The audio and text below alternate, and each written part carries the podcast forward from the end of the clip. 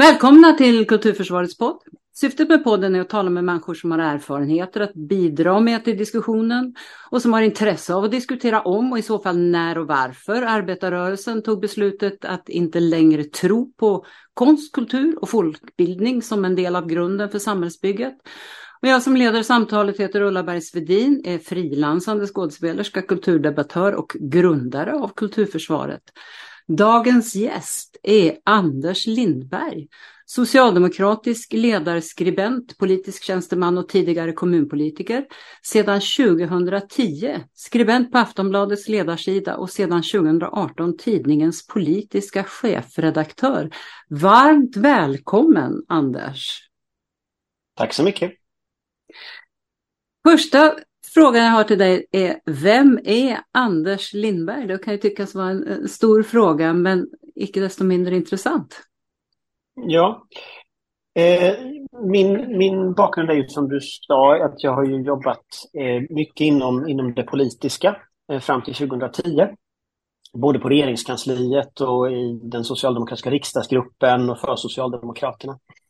Eh, och jag har en kan man säga, genuin politisk bakgrund också i SSU och S-studenter och, och, har liksom varit aktiv väldigt länge eh, just i den sfären. Den, min utbildning har jag från början på en folkhögskola faktiskt, Sjöviks folkhögskola i Dalarna, där jag pluggade till, eh, till vägledare i naturligt friluftsliv. Det låter som en lite udda utbildning. Jag är jurist, jag är utbildad jurist och jag har eh, alldeles för många högskolepoäng, men, men, men där jag började faktiskt efter gymnasiet, det var folkhögskola. Eh, och det tror jag mycket formar min syn på kultur och på utbildning och folkbildning. Ja. Eh, att ha den, den bakgrunden. Så. Eh, sen så är jag ju nu politisk chefredaktör och det, det, har ju varit under ett antal otroligt turbulenta år med pandemi och kriser hit och krig dit och sådär. Så det är klart att, att, det är ju en väldigt, väldigt liksom, spännande tid att vara opinionsbildare. Och det är ju där jag, det är där jag befinner mig så att säga, hela tiden i korsdraget mellan Twitter och, och tidningssidor och, och liksom politisk debatt. Så det är jag. Men eh, om vi backar lite då. Dels var det på folkhögskolan som du eh, kom in på journalistspåret så att säga, eller? Nej, utan det, det, nej, utan jag läste friluftsliv, alltså bokstavligen. Mitt ja. projekt eh, andra året på folkhögskolan var långfärd. Då paddlade vi i Torne älv. Eh, vi hade en vinterfärd som varade ett par månader där vi alltså bodde i snö och så. Det var ju temat för ja. utbildningen. Ja. Eh, så att nej, det var inte så mycket journalistik som, som att lära sig elda i snö och, och paddla i forsar där kanoten inte riktigt ville, ville flyta alla gånger. Så, så det, det, är liksom väldigt praktiskt, handgripligt. Jag är scout från början, så det, mitt friluftsintresse kommer därifrån. Ja. Eh, sen var det så, när jag jobbade på Socialdemokraterna så var jag en av dem som skrev väldigt, väldigt mycket av det ja. som skrevs där. Eh, och det innebär att jag har ju väldigt många liksom, debattartiklar och, och, och, så som jag har skrivit, men inte i mitt namn. När jag, på den tiden jag jobbade. Jag jobbade i tio år eh, där, så, så att, på olika roller, så det var ganska lång tid och jobbade ju åt liksom eh, på utrikesdepartementet och alltså var på olika sådana ställen. Eh, och sen när, när Karin Pettersson blev eh, politisk chefredaktör 2010, då frågade hon mig om jag ville komma till Aftonbladet. Så, så det var så, så det gick till så att säga. Eh, och, och, men skrivandet har jag ju hela tiden haft med mig. Mm. Även om jag då har skrivit i andra människors namn eller redigerat texter åt andra så att säga. Okej, och om vi backar ännu längre tillbaka till när du var barn, så att säga, hade du konst och kultur med dig då? Det skulle jag nog säga att jag hade. Eh, och inte så mycket just i, i meningen så här konst, mm. även om det finns. Jag är ju från Göteborg då, eh, mm. uppväxt i, i, i Högsbo höjd som är ett sånt flerfamiljsområde eh, som finns i, i västra Göteborg. Eh, men vad jag hade var böcker. Mm. Eh, jag läste hela tiden, konstant. Eh, och det, det, är dels liksom den klassiska litteraturen, eh, men dels också väldigt mycket så här, den litteraturen som då var det man diskuterade.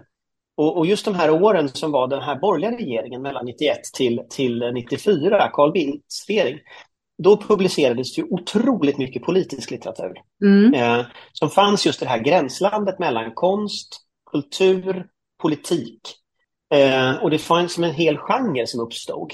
Eh, som, som jag skulle säga var politisk men på ett lite nytt sätt. Om 60-talets genre var politisk i väldigt testuggande riktning så var ju 90-talets vänsterlitteratur eh, mycket mer experimentell. Mycket mer analyserande. Man levde ju mitt i det, det, det, nyliberala systemskiftet så mm. man hade ju något annat att slåss mot. 60-talets litteratur handlar ju mycket om som en global kamp. Mm. Eh, det, det, är en, en, en, vänster som definierar sig mot ett Vietnamkrig. Liksom. Just det. Här definierade sig vänstern mot Thatcher, mot Reagan, mot Bildt. Eh, och det var ju en annan typ av, av, eh, av alltså en annan typ av litteratur. Mm. Eh, och det var ganska roligt. Jag kommer ihåg när, när valet 94 var. Mm. Eh, då, då, eh, då, då hade ju människor på sig de här knapparna. Gör Bildt arbetslös, slipper du själv bli det. Just det. Eh, och Game Over, som var de knapparna som var. Det här var ju överallt i samhället. Det var ju så totalt. Eh, så, så det var ju en form av vänstervåg, fast bland yngre, som materialiserade sig i symboler och, och, så på det sättet. Men det var ju mycket den motståndet mot liksom, de nyliberala teorierna. Som, och sen dog ju det ut under mm. den första S-regeringen, för S klämde ju i med jättebesparingar. Så där, den rörelsen dog, dog ut, så att säga, mycket. Då. Är det något du läste då som du minns så där, gjorde särskilt intryck? Vi hade, vi hade några böcker som, jag, som vi hade diskuterat mycket. En hette Joakim Israel, eh, Klappjakt på välfärden. Som var en sån här extremt torr beskrivning av vad som hände. Han var ju sociologiprofessor tror jag, va? eller sociolog i alla fall på något sätt. -huh. eh, som, som han var. Sen var det Margareta Norléns Baklängesrevolutionen som också var en sån här granskning av den tidens politik. I massa olika nivåer naturligtvis, som det var. Eh, sen fanns ju mycket också, det fanns ju också en, en feministisk rörelse mm. som dök upp i den här vevan. Eh, som, som skrev mycket saker och publicerade mycket artiklar och, och, det kom fram en sån rörelse. I Göteborg fanns det också en rörelse, eh, en hbtq-rörelse, fast det hette inte det på den tiden, mm. eh, som, som formades där så att säga, eh, det var en högerextremism också som, mm. som var väldigt aktiv eh, och som förföljde homosexuella i Göteborg. Just det. Och det blev en politisk fråga i den unga vänstern hur man skulle hantera detta i, under sena delen av 90-talet i Göteborg. Det blev en ganska stor fråga faktiskt. Och där jag då som ung socialdemokrat var ju i den delen som ville ha liksom en liberal lagstiftning och väldigt tillåtande eh, lagar och regler och sånt. Men det var ju en stor fråga. Det var ju inte självklart för socialdemokratin heller på den tiden. Eh, så även det var en sån debatt som diskuterades otroligt mycket. Eh, faktiskt. Ja. Ta några exempel. Ja, precis. Jo. Hur eh, ser du på det som är min grundfråga i den här eh, poddomgången om arbetarrörelsens, alltså både S och Vs förhållande till konstkultur och folkbildning. För allt det här hade ju en central plats i det så kallade folkhemsbygget. Och till exempel att arbetarbarn inte enbart skulle få utbildning utan även bildning. Och det var ju dessutom något som dåtidens liberaler drev igenom och S sedan genomförde, förvaltade och utvecklade fram till 1974 års kulturpolitiska program nu ligger du ju före mig i tid. Eh, men, om man drar, men om man drar de trådarna framåt mm. eh, lite så skulle jag säga att arbetarrörelsen gick bort sig efter 68 på två sätt tror jag. Det mm. ena var att man fastnade i en väldigt ekonomisk förklaringsmodell av mm. allting. Mm. Eh, kanske symboliserat mest av sådana här strider som löntagarfondsstriden och liksom det, det blev en ekonomisk materiell fråga väldigt mycket och då sjönk den typen av värden undan. Man tappade mycket av det. Mm. Så det tror jag var en sån sak. Det blev liksom en ekonomisk konflikt som blev ramen väldigt hög utsträckning. Eh, som man dessutom förlorade eh, mm. ganska mycket i. Men det andra tror jag var att när man internationaliserade hela debatten och hela liksom samhällsklimatet under den tiden, då, då tappar man lite självförtroendet. Mm. Och jag tror det här självförtroendet går igenom alla områden. Alltså på 80-talet så börjar ju arbetarrörelse intellektuella lyssna på nyliberala idéer. I mitten av 80-talet så avreglerar man de finansiella systemen i ganska hög utsträckning. Eh, och senare under 90-talet så reparerar man ju inte Bildt. Och jag tror att det här finns en sammanhängande länk i ett tappat självförtroende. Och, och, det kanske sammanföll med oljekrisen, det kanske sammanföll med Fälldinregeringen, det kan ju vara olika slumpmässiga orsaker. Men någonstans här så då börjar man tappa förtroendet för sin egen förmåga att formulera politik. Och mm. från 80-talet och framåt så går ju också jämlikheten i Sverige ner. Den ökar ju fram till 80 ungefär och sen så går den ner. Och det där tror jag påverkar kulturen otroligt mycket. Mm. Då tror du inte längre att du har ett problemformuleringsprivilegium eller att du har en möjlighet. Så, då tappar du också tron på dina egna institutioner. Alltså mm. folkbildningen, folkhögskolorna, mm. arbetarlitteraturen. Eh, och det där tro, tror jag liksom, det där tror jag finns ett jag tror det finns ett tydligt samband mellan de två processerna. Ekonomiseringen av den politiska debatten och eh, det här tappade självförtroendet för arbetarrörelsen och att kulturfrågorna blir liksom någon slags, ja, någonting som inte prioriteras. Sen är, sen är det så, i vissa regeringar har ju prioriteten. Ta Marita Ulvskog till exempel, mm. hon, hon försökte ju uppvärdera det här igen som kulturminister. Just det. Eh, och föra en kulturradikal politik. Så. Eh, sen sjönk ju det ner. Ja. Eh, om vi eh, hoppar lite framåt i tiden till 2018, då utlyste ju Jimmy Åkesson kulturkriget hos Skavlan. Vad, vad, vad tror du att det beror på att inget parti faktiskt då tog det på allvar? Jag menar, det, det är ändå utlysning av ett krig. Man tänker så här, ja men nu, nu ska väl i alla fall de anständiga partierna börja bygga egna strategier mot det här. Men det hände inte. Vad tänker du om det? Jag, jag, jag, jag, tänker att den historien är lite mer komplex än att Jimmy Åkesson sa det då. Alltså jag, som jag berättade i Göteborg där jag växte upp, mm. den här feministiska rörelsen som blev aktivare, den här nya vänsterrörelsen som jag beskrev som blev aktivare först mot Bildt mm. men sen också faktiskt hade ett program, hbtq-rörelsen. Allting det där och klimatfrågan, mm. miljöfrågorna dök upp. Eh, I sin linda, självklart, men de dök upp. Eh, Miljöpartiet eh, kom ju in i riksdagen 88 och åkte ut 91. Mm. Men alla de där frågorna är dagens kulturkrig. Mm. Eh, och, och, och, redan där finns embryot. Alltså under Bosnienkriget på 90-talet så kom det 100 000 flyktingar till Sverige som stannade kvar. Ja. Eh, och, och det, det, inträffade samtidigt som detta. 92 eh, så brände eh, vad heter det, högerextremister ner Trollhättans moské. Mm många av de här stora liksom, kända händelserna i den högerextrema utvecklingen som kulminerar i Alexandermorden eh, 99 eh, var det väl. Mm. Eh, och, och, och liksom, de händer då. Så kulturkriget, konflikten, alltså invandring, feminism, hbtq-frågor, miljöfrågor, det fanns då. Och det som, det som Sverigedemokraterna gör när de sen formulerar sin politik, är att de tar ju den ilskan och energin och de krafterna och gör om det till ett parti. Men det är inte en utveckling som sker kort, det är en utveckling som sker under ganska lång tid. Mm. Eh, och, och, så jag skulle säga att man ska inte överdriva enskilda händelser i detta. Eh, och jag tycker att motkrafterna delvis har tagit det på allvar. Alltså man har försökt, men man har liksom inte hittat något sätt att hantera det på. Och när vi kommer in sen i 2000-talet, och efter 2010 speciellt när SD kommer in i riksdagen, mm då har ju SD som en prioriterad fråga kulturpolitik. Och det förstår inget annat parti. Nej. Eh, när Socialdemokraterna sen äntligen bildar regering, då ger man bort kulturministerposten. Mm, just det. När man har chans, och liksom, eh, chans att äntligen få en socialdemokratisk kulturminister 2014, det är bort den posten. Ja. Så det finns liksom en total, man förstår inte, alltså motkrafterna finns det, men man fattar inte att kulturen är spelplanen. Och jag skulle inte tvärsäkert säga att man har fattat det än idag. Nej, men det, det, det är väl det här just att, att eh, SD, SDs hela politik grundar sig i kulturpolitiken. Alltså de har det här Steve Bannon citatet att eh, eh kulturen eh, vad är det han säger? Politiken ligger nedström kulturen. Ligger nedström.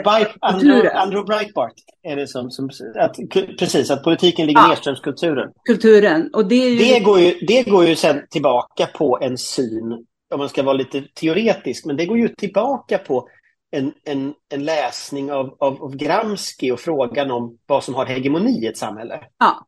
Eh, och där finns ju en sån här myt från, eh, från eller myt vet jag inte om det är, men det, det, det har blivit myt idag. Men det finns ju det här så kallade marschen genom institutionerna. Mm. Att 68-generationen vandrade genom institutioner och tog över alla institutioner i samhället. Mm. Och, och det, det fanns ju som en vänsterstrategi då, men det har ju sen förvandlats till mytologi. Där hela samhället är övertaget av vänstern i högerextrem analys, liksom det den förståelsen av världen. Och det intressanta med den, det är att de vill göra samma sak. Ja. Och då har de börjat med att starta institutioner. Så SD har försökt starta en fackförening. De ja. har startat alla konstiga politiska förbund. Alltså de har gjort allting det som arbetarrörelsen gjorde. Liksom. Ja. Eh, och, och, tänker sig att man ska ta över alla institutioner. Så, eh, och, och det, då ligger ju så att säga, politiken nedströms någon slags problemformuleringsprivilegium i deras sätt att förstå världen. Eh, och, och, det är klart att, att det där gör de ju nu. Det där händer ju nu. Precis, men man skulle ju också kunna läsa det på, på, ett, på ett fördelaktigt sätt för, för konsten och kulturen och säga att om vi lyckades ge konsten och kulturen en plats i hela samhället på riktigt, vad skulle hända då? Om man vänder på läsningen. Alltså jag, jag, jag, alltså jag tror ju att konst och kultur alltid är politiskt. När, när, när, när, vad heter det? när jag säger att sport alltid är politik, då blir alla vansinniga på mig. För det är klart inte det. Sport och politik ska hållas isär. Och, och, kultur ska läsas på sina egna villkor och så vidare. Men för mig är hur fri kulturen är, hur nyskapande den är, alltid en fråga om politik. Ja. Du kommer inte undan det. Nej. Jag skulle säga att, att kulturkriget har på något sätt vulgariserat vad som är kultur. Mm. Ner till den här nivån att de är emot viss konst för att den inte är föreställande och sånt. Mm. Men, men kärnan i deras kulturkrig handlar inte om kultur.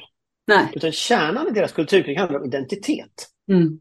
Egentligen så är det inte ett kulturkrig.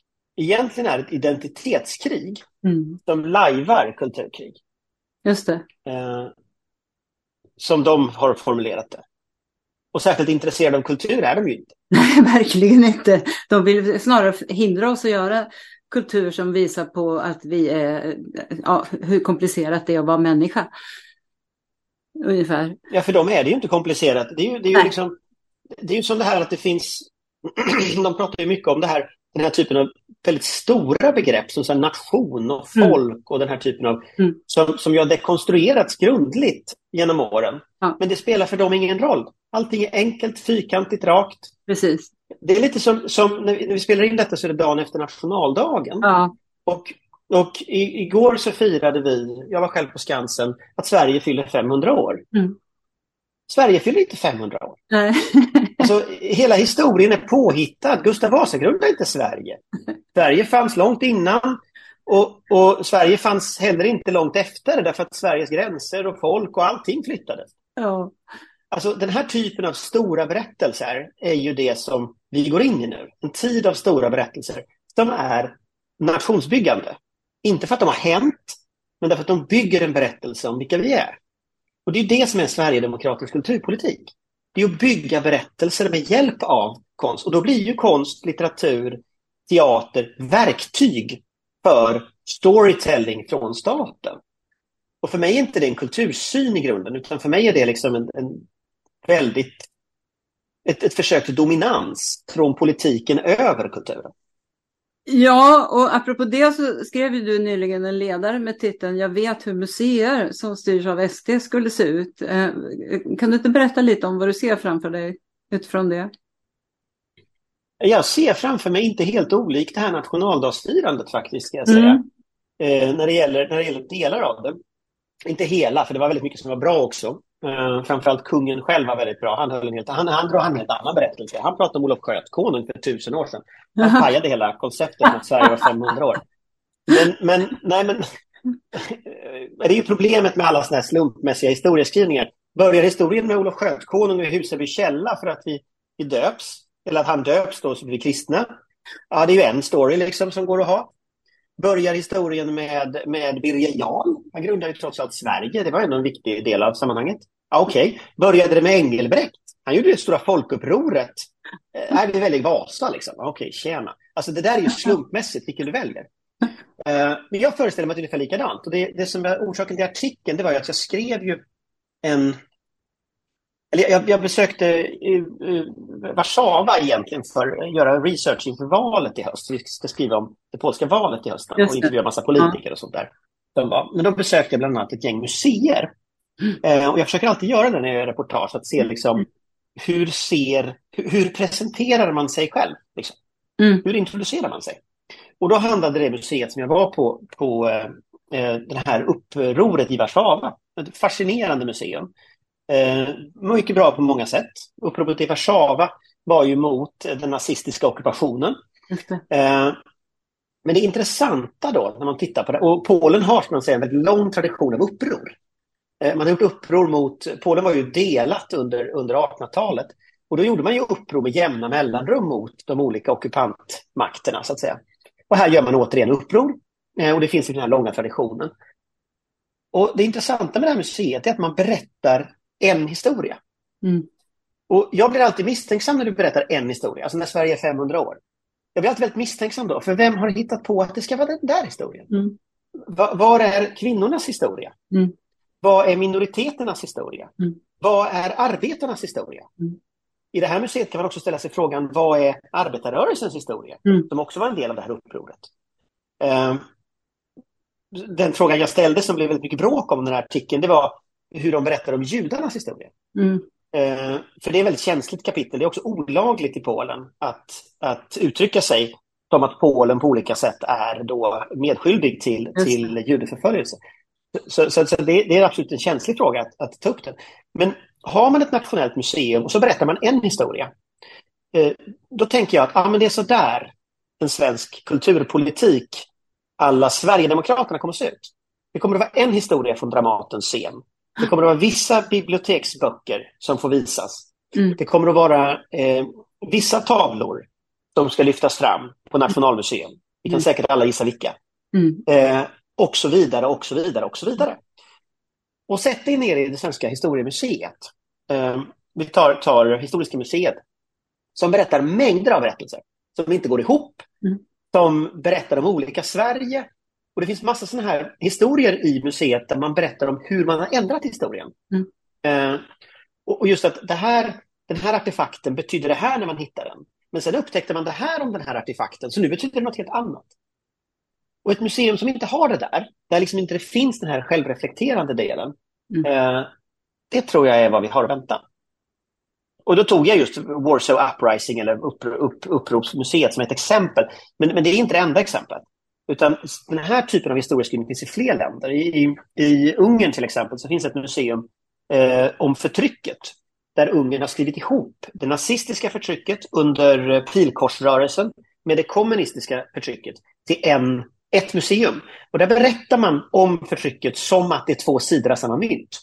Mm. Medan då i själva verket så var, ju, så var det ju så olika historier som, med helt olika offer som då inte alls går ihop. Och det slutar med att Sovjets inmarsch 56 och att EU har synpunkter på, på, på Ungerns politik på något sätt en del av samma historia där utländska krafter försöker påverka. Ah. Så, att, så att vad du gör är att du skriver en nationell historia med ett uppenbart syfte. Ungern är mycket värre än Polen, ska jag säga. Polska museet är mycket, mycket bättre. Ja, ja och Världskulturmuseet det kommer naturligtvis inte att finnas. Ja, eller så handlar det om Sveriges inflytande i världen. Ja, ja just det. Mm. Det är klart. Man kan... Alltså det är ju det som är grejen. Va? Den här rörelsen avskaffar inte kulturinstitutioner. Den använder kulturinstitutioner för att berätta en berättelse. Precis. Det här är en fråga om storytelling. Det är det jag menar med att det inte är ett kulturkrig, ja. ett identitetskrig. Ja. Men det är ju en sak som är med Sverigedemokraterna. De är ju världsbäst på berättelsen. De är duktiga på berättande, men det är också arbetarrörelsen och svenska liberaler har historiskt varit duktiga på berättande, så de är inte de enda som är det.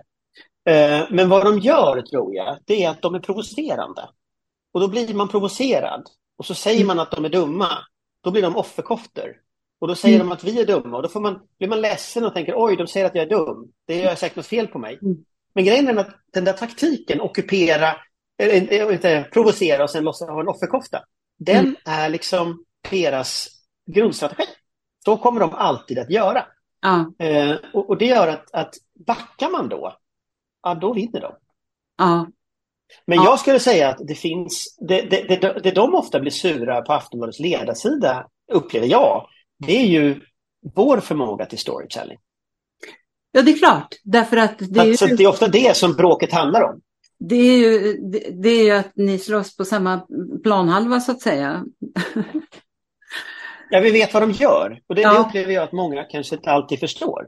Nej. Att det, det här är ett frågasättande av det här är inte farligt för att man rensar ut biblioteksböcker. Det Nej. här är farligt för att, att rensa ut biblioteksböcker är ett led i någonting mycket större. Precis, och det, det, det är precis det där som, som handlar om eh, att de försöker påstå att eh, vi som är den så kallade PK-eliten, vi, vi förstår ingenting. Att försöka peka ut oss som att vi är, vi, vi är aningslösa, vi, vi är inga som man behöver lyssna på, därför att de vet att vi vet vad de håller på med. Jag tror att det är precis det. Det är därför de försöker eh, peka ut oss som några som, som, som är, man inte ska lyssna på. Eh, i Bengt Göranssons eh, väldigt tunna men fantastiskt innehållsrika och fortfarande relevanta bok från 2009, Tankar om politik, kan man ju läsa att Tage Erlander 1955 hade bjudit in till en författarkonferens på Harpsund för att han ville diskutera författarnas relation till politik och samhälle i en tid då välfärdspolitiken befann sig i ett expansivt skede.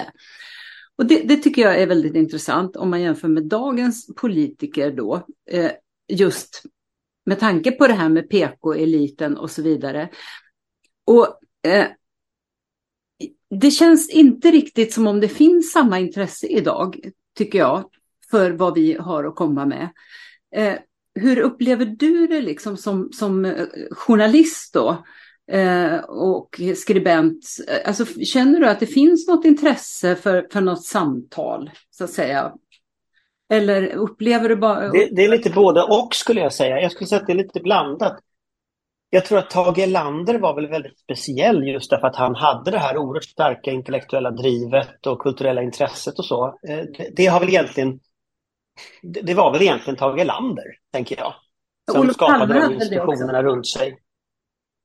Lite grann, men jag skulle säga att Olof Palme, i alla fall i den erfarenhet som väl finns från Aftonbladets ledarsida, eh, var väl kanske en person som mera har liksom fått, fått ord om sig att vilja ha synpunkter på, vilja påverka, vilja sprida sina åsikter. Medan Elander, när man beskriver honom, folk som har jobbat här tidigare och mm. jobbat med dem och så, mm. eh, beskriver det mera som att det var mera prövande, att man, man hade olika åsikter och det mm. fick man ha. Mm. Eh, går vi fram i modern tid, när jag själv har liksom erfarenhet av det, så jag en sån person som, som Göran Persson var ju en väldigt bestämd person när det mm. gällde att, vad, vilka åsikter som skulle fram. Han hade också ett oerhört kulturellt intresse. Ja. Eh, väldigt beläst och, och kunnig och så vidare. Då, eh, Håkan Juholt som ju, som ju mm. var en, en, en otroligt kulturellt bevandrad person mm. på många sätt. Eh, mycket intresserad av, av kulturpolitik. Hade han fått fortsätta vara partiledare så hade vi säkert sett en, en förändring åt det hållet. Så det är klart att här finns det ju personer som är intresserade. Men jag tror att det specifika med Erlander var att han fanns i ett system som han på många sätt själv skapade. Mm. Efter Erlander så tappar socialdemokratin kontroll över på något sätt, systemet runt omkring. Och det har ju formella orsaker därför att vi fick en ny grundlag med enkammarriksdag. Eh, mm. vi fick eh, Torbjörn Fälldin som statsminister. Socialdemokratin förändrades, så att säga. Och det, när jag pratar om det här tappade självförtroendet, då är det mycket till den tiden som jag plocka tillbaka det här tappade självförtroendet. Mm. Att man på något sätt förlorar tron på att man själv kan sätta dagordningen för hela samhället. Mm. Alltså läser du Wigfors så tror Wigfors att den politiska demokratin är obegränsad. Mm. Du sätter har du väl, han skriver så, har du själv liksom erkänt den ekonomiska demokratin, då sprids det här till fler områden. Den sociala demokratin, den ekonomiska demokratin. Den politiska demokratin är så att säga någonting för hela samhället. Den, jag ska säga, den lusten, den ambitionsnivån försvinner senare och blir istället på något sätt man surfar med en våg eh, och försöker liksom hålla sig flytande mer eller mindre. eh, och, och, det lyckas man ju med. Men man sätter inte samma avtryck som man gjorde innan. Och det märks i hela samhällsdebatten, att man, man tappar den här liksom udden. Det blir inte nya reformer varje gång som föreslår olika saker för människor, utan det blir avregleringar, det blir nedskärningar, det blir liksom eh, ja, en viss uppgivenhet. Liksom. Just Wigfors, eh, han, han, var ju, han, han, stod ju verkligen mot då, de fascistiska tendenserna som fanns på 30-talet och det har du ju också skrivit om. Eh, ja, nej men Wigfors, Wigfors är ju lite intressant också därför att Henrik, Henrik Arnstad har ju publicerat en, en, en biografi alldeles ja. nyss om Wigfors. Som är väldigt läsvärd, som jag verkligen rekommenderar. Eh, och han, han det är spännande för att när jag läste Wigfors som liten, ja. då läser jag en Wigfors som är vänster. Ja. Och han blir så att säga en vänsterhörnsten i min förståelse av politik. När Arnstad har läst Wigfors, då är Wigfors i första hand antinazist. Och det är klart att det visste jag också att han var. Ja. Men Arnstad balanserar om bilden av Wigfors. Så att Wigfors blir mer av antinazist kan man säga. Eh, och, och, det har naturligtvis med tiden att göra. En biografi som skrivs nu måste se person, historiska personer i ljuset av nu. Men, men då, då, då ser jag en väldigt viktig del i hans biografi om Wigfors, som jag tror att många har tänkt men som inte liksom har uttryckt så tydligt tidigare. Och det är det här med hur möter du en fascistisk utveckling mm. som socialdemokrat?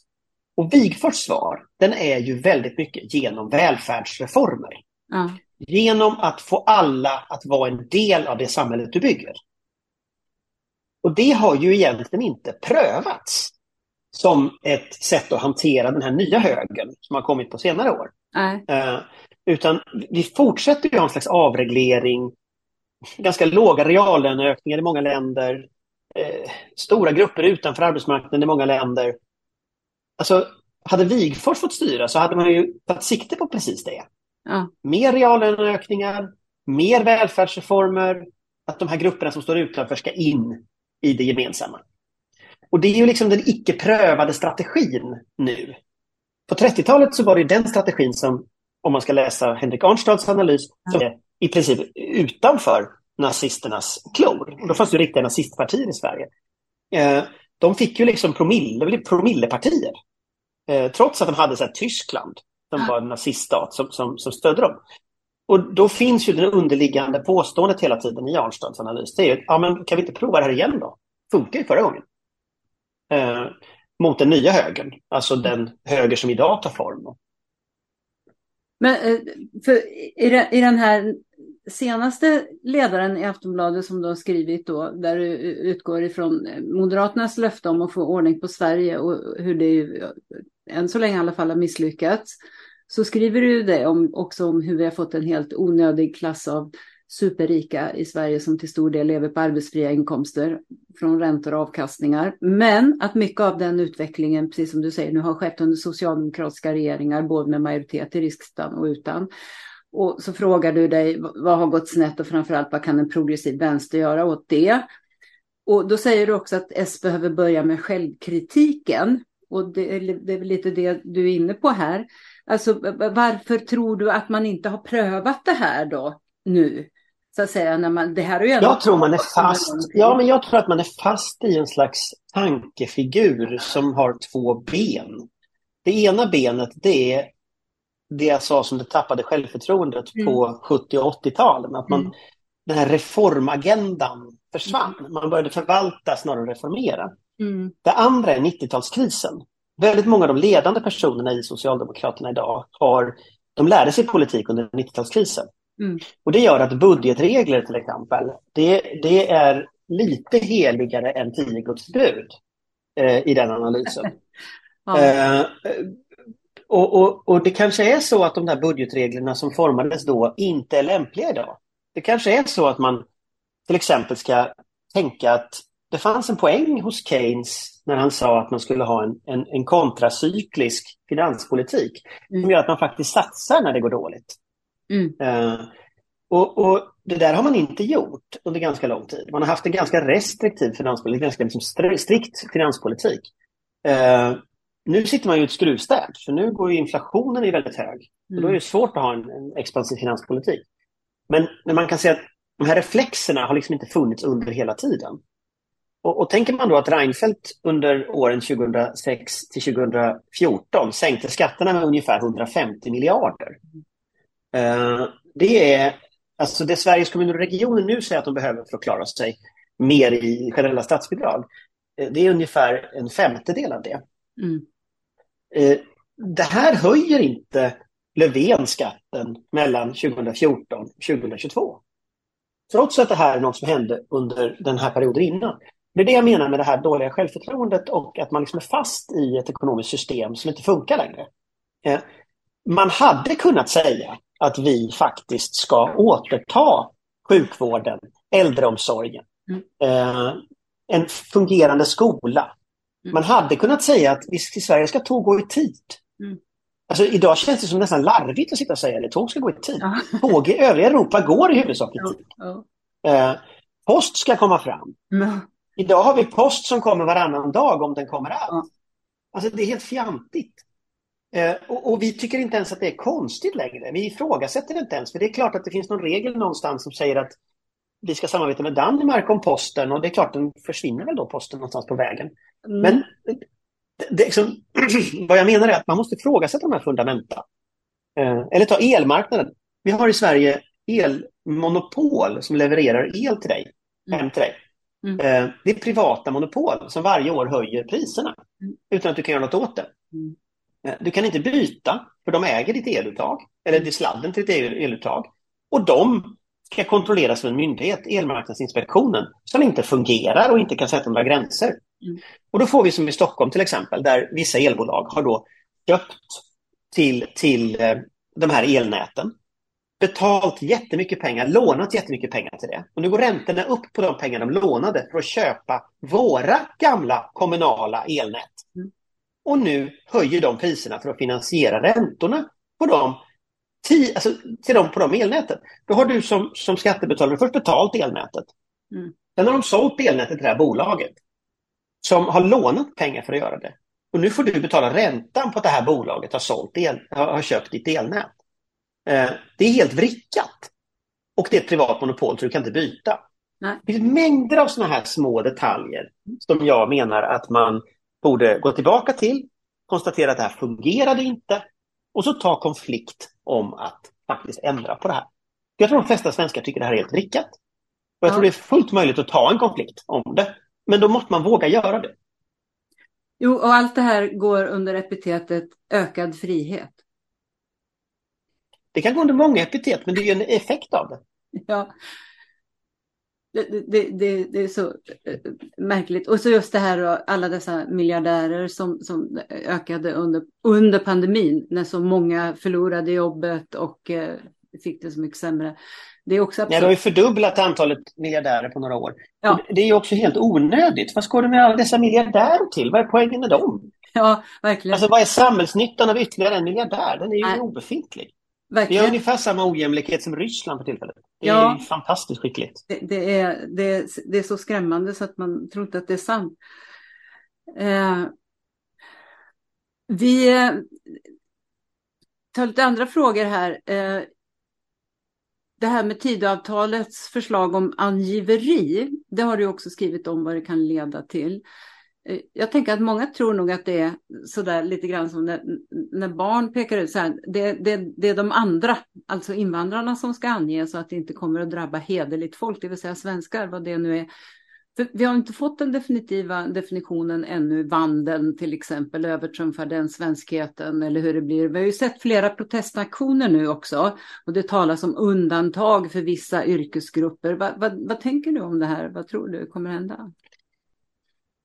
Alltså, vi har ju inte haft angiverilagar i Sverige tidigare överhuvudtaget mm. på det sättet. Eh, utan det är ju någonting vi förknippar med DDR eller Sovjetunionen.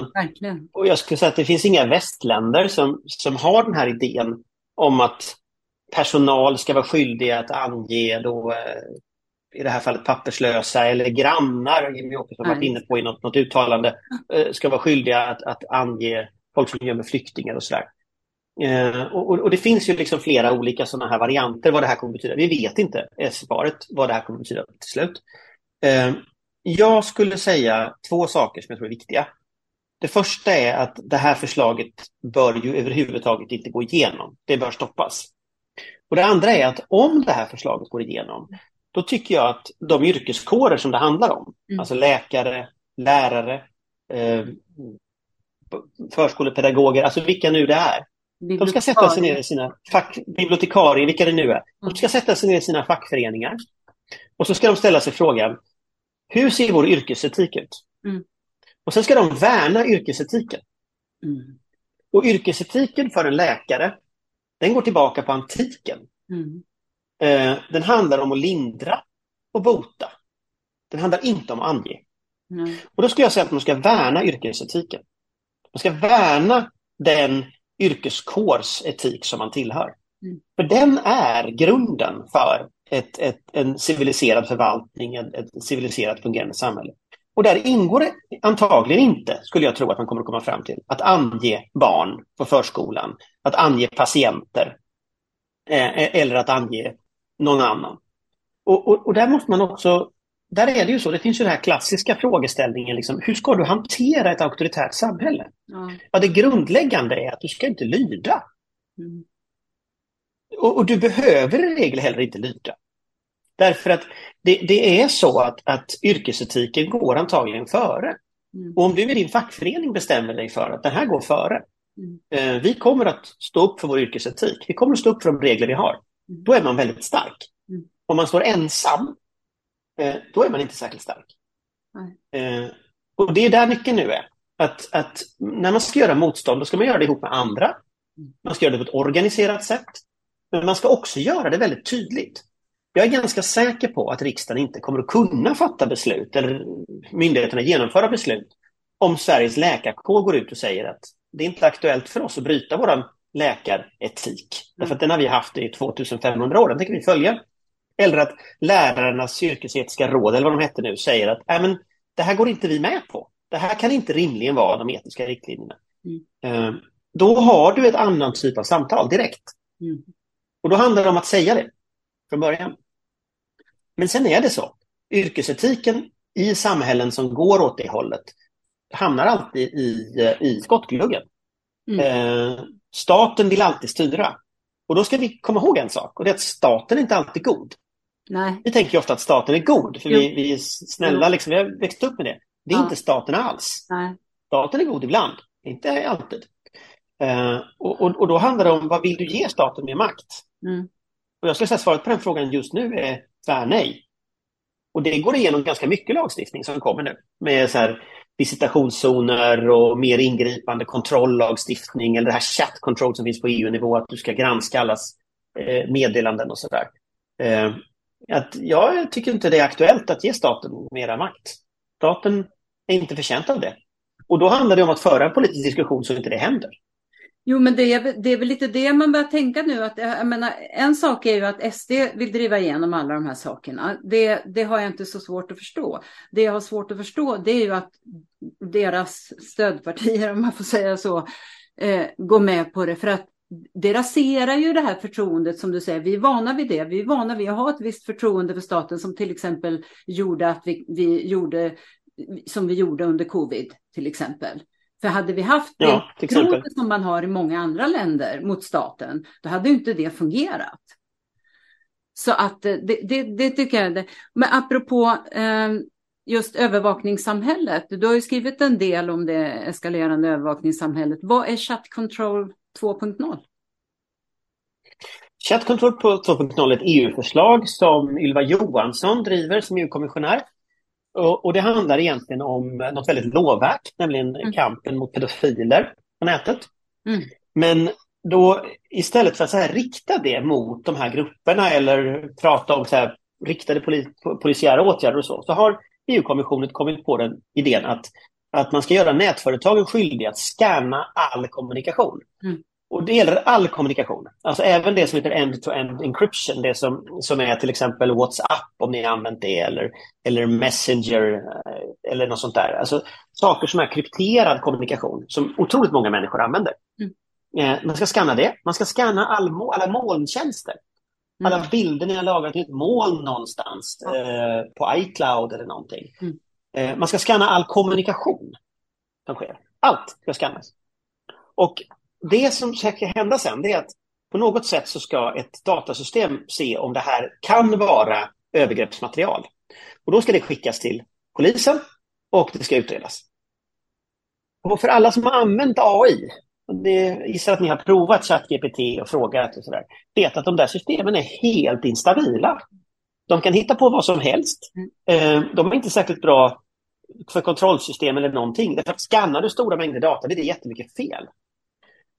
Och sen är också frågan, var hamnar den där datan sen? Var hamnar all överskottsinformation? Mm. För har du byggt in en, ett litet hål in i en, en till exempel en, en, en, en end-to-end encryption kommunikation i WhatsApp till exempel. Kommer någon annan utnyttja det hålet? Mm. Vi kan ju vara hundra tusen procent säkra på att varenda militär underrättelsetjänst redan har kommit på hur de ska göra. Ja, Så tillåts, tillåts liksom chat control, då kommer vi att sitta i en situation när det inte längre finns krypterad information. Och då är det det här exemplet som har tagits då flera gånger i debatten att om, om man skickar då badbilder till, eh, till mor och farföräldrar via något sånt här system, då kommer det att flaggas som övergreppsmaterial och skickas till polisen. Mm. Därför att systemet är inte smartare än så. Och, och, antagligen en väldig massa annat till polisen också, kan man ju tänka sig. Har inte de uh, som skulle skickas. På polisen? Man kan tycka att de har annat för sig, absolut. Uh, och man kan tycka att det kanske är lite klumpigt att tro att det är just så här den här målgruppen av brottslingar ska agera. De kanske finns på mm. Darknet istället. Mm. Men, men, men för mig så är det mest problematiska i detta, det är själva tänkandet. Mm. Att du, du upphör att ha en personlig integritet mm. som en faktor när du fattar beslut. För det här betyder att allt du kommunicerar på nätet, hela din existens online, för då ja, 500 miljoner helt laglydiga EU-medborgare, mm. plötsligt ska vara någonting som kan granskas hela tiden. Mm. Och då måste man ju ställa sig frågan, har staten gjort sig förtjänt av att vi vill att all vår privata information ska hamna där? Och jag skulle ju säga ett rungande nej på den frågan. Mm. Uh, och just nu då med mer auktoritära ledningar runt om i Europa så kan man ju bara räkna ut med lilltån vad regeringar som är mer auktoritära skulle vilja göra med den informationen. Och sen vet vi också det, vi vet ju en annan sak med allt sånt här och det är ju att man börjar med att jaga en grupp. Mm. Det kan vara pedofiler, det kan vara terrorister, det kan vara något annat. Mm. Eh, och så inför man hårdare regler och krav på kontroll. Mm. Men sen efter ett tag så kommer någon politiker på att, ah, men hallå, ska vi inte kolla flyktingsmugglare också? Mm. Det borde vi kunna använda. Mm. Eller här miljöaktivister, de klistrar ju fast sig på motorvägen, de är skitirriterande. Mm. Ska vi inte kolla dem? Mm. Och successivt så utökas vad du faktiskt kontrollerar med den här informationen. Och det här håller på att beslutas nu. Så det här, liksom, ska man stoppa detta så behöver man stoppa det nu. Absolut, jag menar det räcker ju med, med, den, med, med spionerilagen. Att den gick igenom, det var ju... Om utlandsspioneri, ja det var väl sjabbel från hela mediakåren att vi bommade att det hände också. Ja. Det skrevs ju nästan inget om det. Ja, det... det är återigen så, vi har för förståelsen att staten är god. Ja. Vi måste skärpa oss. Ja apropå Europa och fascismen eh, som breder ut sig igen. Du har skrivit i en artikel att den är en italiensk skapelse och att mindre än att man, men man kan tro skiljer mellan Mussolinis svartskjortor och SDs nättroll och att kulturkriget och dess metoder är importerade från USA. Och precis som SD pratar Italiens bröder till stor del om identitetspolitik och att kulturkriget är fascism fast med andra medel. Men varför har vi som folk tror det så svårt att tro att det kan hända här? För att det, jag i alla fall känner det så att det är väldigt många som har svårt att tro att det faktiskt kan hända här. Och det har ju ändå hänt i det som kallas vårt närområde. Jag skulle säga att just den där artikeln tror jag du hänvisar till, det var i Rom. Eh, mm. Det var en, en, annan resa än till Warszawa. Ja. Eh, och den handlade mycket om att, att, att försöka förstå vad eh, Italiens bröder, som då det styrande ja. partiet i Italien heter, eh, vad de har för strategi ja. eh, inför EU-valet. Och där har de ju väldigt uppenbart en strategi att försöka få ihop det med den mer traditionella högern. Mm. Eh, och I EU så är ledare av en grupp som heter ECR. Det finns en grupp som heter EPP som är den, den konservativa gruppen. Mm. Och det är helt uppenbart att det, det som Italiens bröder vill det är att förena så att säga högern och ytterkantshögern lite som en slags svensk konstellation fast i EU och förändra hela EU. Det är det som är den strategiska idén. Mm. Kommer de att lyckas med det? Det vet jag inte. Eh, men det är uppenbarligen så de tänker långsiktigt eh, som strategisk idé. Varför tror inte folk att saker händer? Ja, det är en bra fråga. Alltså jag skulle säga att vi är på ett sätt vana vid att saker som inte har hänt inte händer. Eh, och enda gången vi har sett liksom, eh, Sverigedemokrater eller liknande grupper, det är liksom den här konstellationen nu. Och, och, det är ett halvår gammalt. Vi har inte sett dem vara nära regeringsmakt innan. Eh, men jag tror, jag upplever att allt fler människor börjar ifrågasätta. Mm. Och jag upplever att till exempel det här med att man avsätter, eller att, att man eh, inte ger förlängt till eh, diverse generaldirektörer när SD samtidigt går ut på sociala medier och säger att upprensningar fortsätter och sådana saker. Hela den bilden skapar ju en bild av ett regeringskansli i någon slags etisk upplösning mm. eh, när det gäller utnämningspolitik. Och det där tror jag, det är en sån sak som spelar roll. Jag tror det här med universitetsstyrelserna, att man ja. förkortade eh, mandatperioderna för universitetsstyrelserna och protesterna från universitet, ytterligare en sån sak som gör att folk protesterar. Eh, och, och, jag tror att det här med att de angrep civilsamhällesorganisationer. Eh, det var ju riksdagsledamöter från SD som angrep Civil Rights Defenders för att de kritiserade regeringen och ville dra in bi, bi, bidragen till dem. Eh, de angrep Svenska kommittén mot antisemitism och så vidare. Alltså, eh, Naturskyddsföreningen begärde SD ut vilka som var deras donatorer och så. Så det är klart att man angriper det civila samhället, man angriper eh, forskningen, man angriper liksom område efter område. Som människor tror jag tänker, nej men som tänker att det är självklart. Ja, sen har vi precis, sen har vi mer specifika saker, folkbildningen. Mm. Eh, där sker det ju neddragningar, folkbildningen. Det mm. får ju jättestora konsekvenser. Mm. Det här med lotterifrågan, det är ju intressant. för det är enda gången jag vet att jag har sett riktad lagstiftning mot ett oppositionspartis finansiering på det sättet. Jag vet mm. inte om jag har sett det någon annanstans, något annat land. Så det är också en väldigt intressant liksom, fråga. Hur långt är man beredd att gå? Om man, om man, om man vill liksom förbjuda ett partis finansiering, hur långt är man beredd att gå då? Liksom? Uh, så jag upplever nog att folk börjar ifrågasätta ganska starkt vad som händer. Liksom.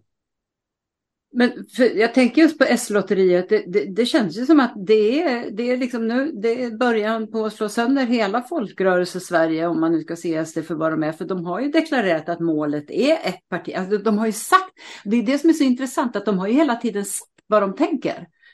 De har ju uttryckt liksom att deras mål är ju inte, alltså, även om de heter Demokraterna, så de är ju emot demokrati de tänker ju inte, de tänker att... Så, alltså SD är ju inte demokrater i vår mening, eh, traditionell mening, utan de är, ju, de är ju demokrater i meningen eh, det, som, det som då mera går åt den illiberala demokratin ja. i Ungern eller det som kallas för styrd demokrati. Att, att, ja. att det inte finns flera maktcentra. Nej.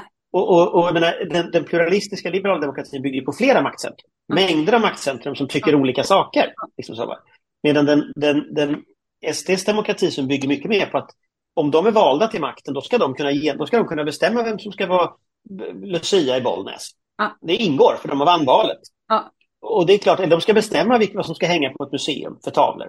Eller de ska bestämma vad det ska stå i, i, i ett nationellt prov. Alltså den, den synen på eh, makten har vi traditionellt inte i Sverige. Så på det sättet är de ju inte demokrater i den mening som vi menar med liberal demokrati.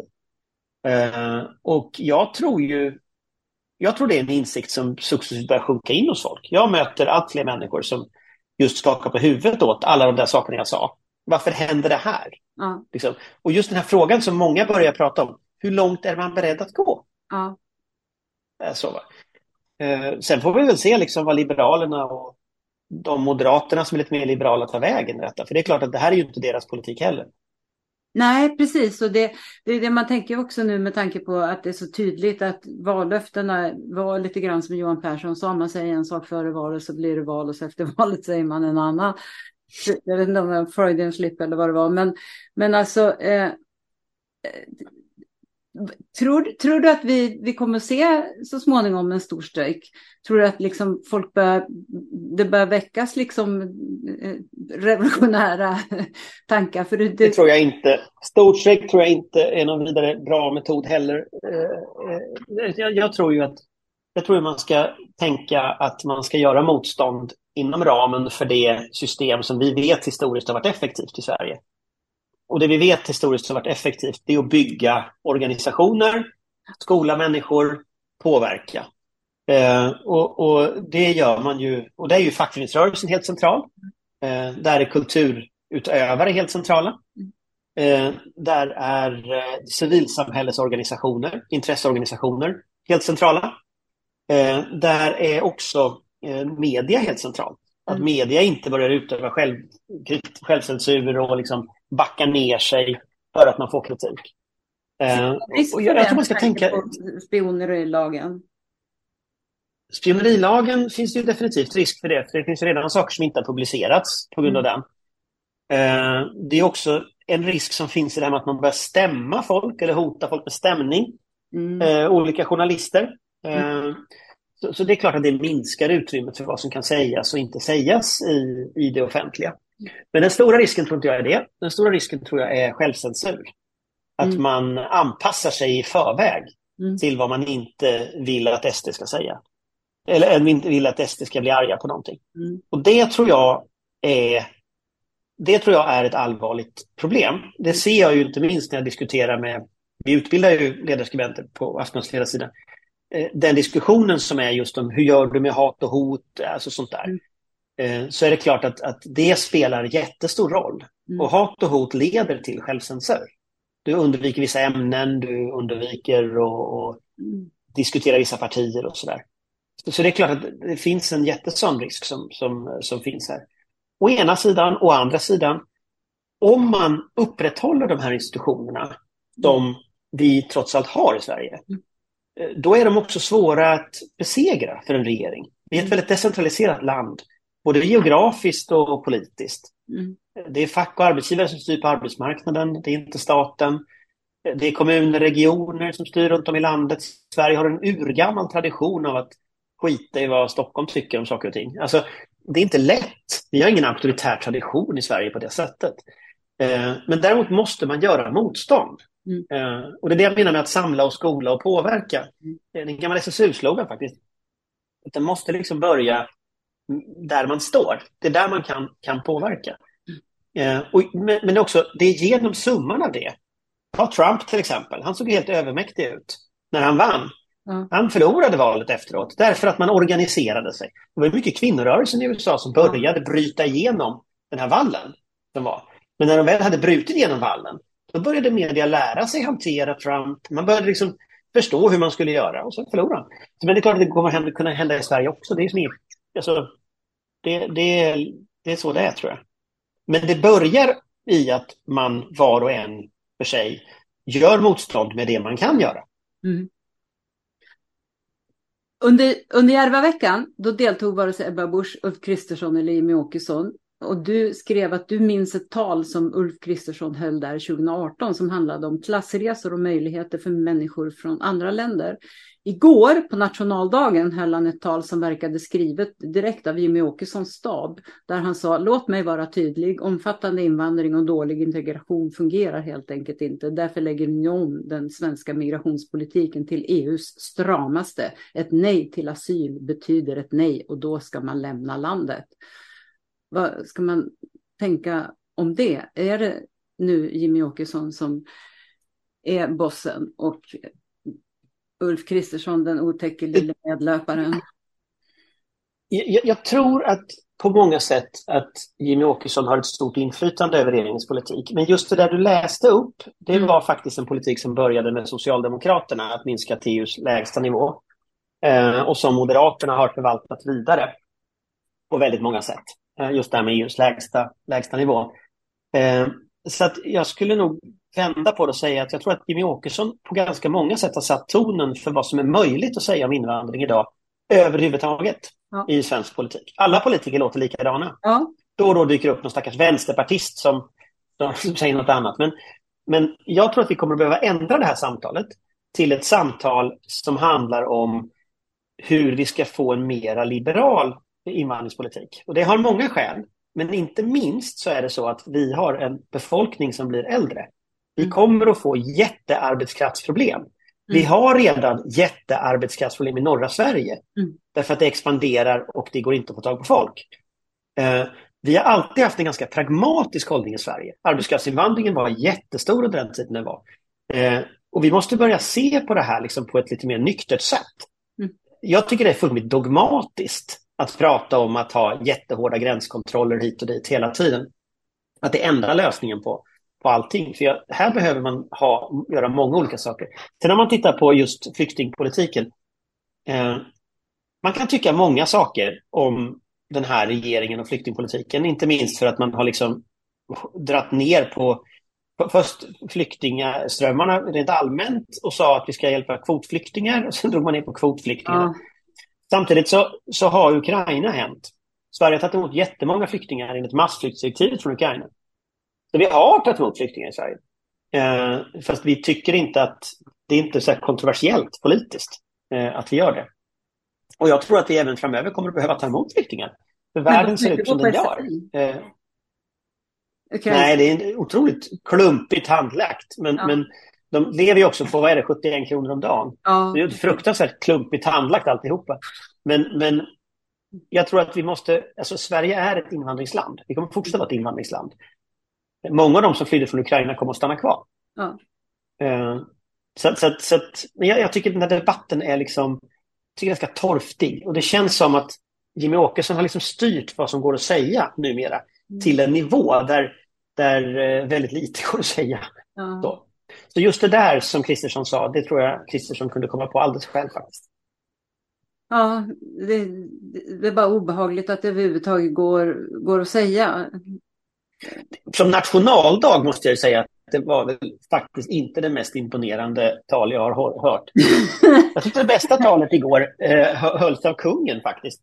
Han var riktigt bra på Skansen. Jag tyckte jag var mycket trevligt att lyssna på kungen. Eh, han pratade han pratade som man brukar prata i Sverige. Ja. Helt bort, inget kulturkrig, något överhuvudtaget, som man brukar prata. Ja. Och alla var nöjda. Jag får, gå, jag får kolla upp det. Så det är lite ironiskt att det är just kungen av alla människor då som ställer saker till ordning och rätta. Men ja, så gjorde han faktiskt. Men jag, jag har faktiskt länge tyckt att det verkar som om i Sverige är det liksom och som vänsterpartist då, som jag är, att kungahuset nu har tagit hand om, det är liksom, eh, det är dementa och utbildning för sjuksköterskor och det är näthat och det är att barn och unga får röra på sig och det är just att man ska, alla människors lika värde. Det är lite absurt faktiskt.